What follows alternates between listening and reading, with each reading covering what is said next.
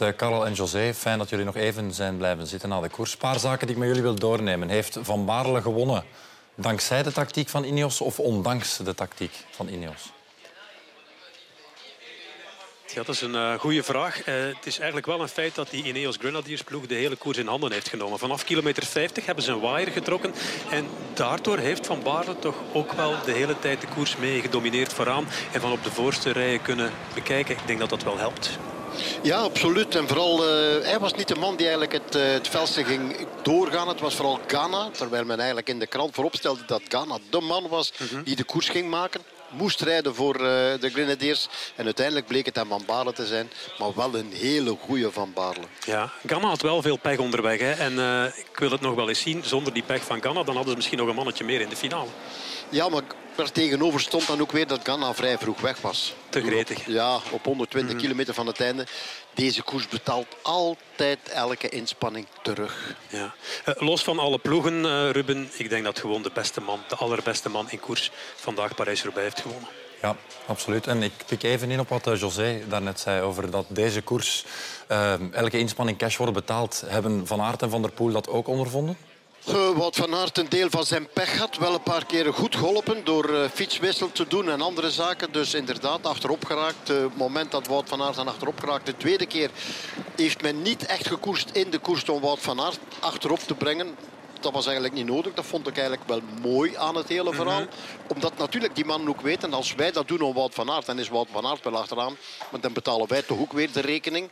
Dus dat was het niet. We hebben een, uh, een hele mooie, achteraf bekeken afvallingskoers gezien.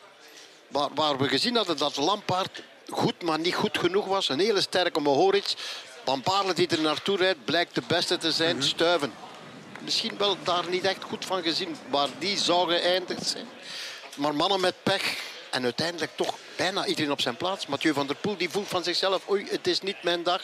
Ja? ja, die zei ook achteraf. Hè. Ik had niet de benen waarop ik had gehoopt. En we moeten eerlijk blijven. Wat Wout van Aert doet na drie weken afwezigheid in koers. Tweede worden op deze manier in Parijs-Roubaix is gewoon een fantastisch verhaal. Ja, ja absoluut. Sowieso, zonder twijfel. Um, Parijs-Roubaix is een koers van pechvogels. Het is een mooie koers, maar het is ook een koers van pechvogels. Is uh, Yves Lampaard voor jullie de grootste van allemaal? Ja, Lampaard had op het podium gekund, maar dan had alles moeten goed zitten. Want dat groepje daarachter zou waarschijnlijk nog wel teruggekeerd zijn.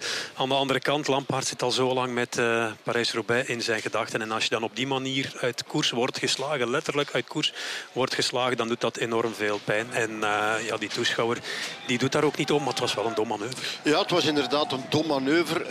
Uh ging hij podium rijden. Dat zou heel moeilijk geweest hebben. Heel moeilijk, want hij was onderweg zeker niet de beste. Dat heeft hem ook toegegeven. Dat Moritz en anderen echt wel beter waren. Maar hij zat daar wel. Hij zat daar wel, inderdaad. Hij was heel goed geanticipeerd, zoals men dat dan zegt. En hij kreeg die, vrij, die vrijheid een beetje om dat te doen. Uh, eigenlijk ook weet die ploeg, uh, de mannen van Patrick Lefevre, ook niet gespaard van alle problemen en pech. Waren goed mee vooraan. Mm -hmm. Waren mee met die waaier van Ineos Grenadiers. En dan gebeurt er van alles. Seneschal valt en Lampaard valt in ja, de finale. en ook Asgreen uh, mm -hmm. die in de, in de klappen deelden. En, en ja, dit is voorlopig niet het kasseien-voorjaar. Wat zeg ik?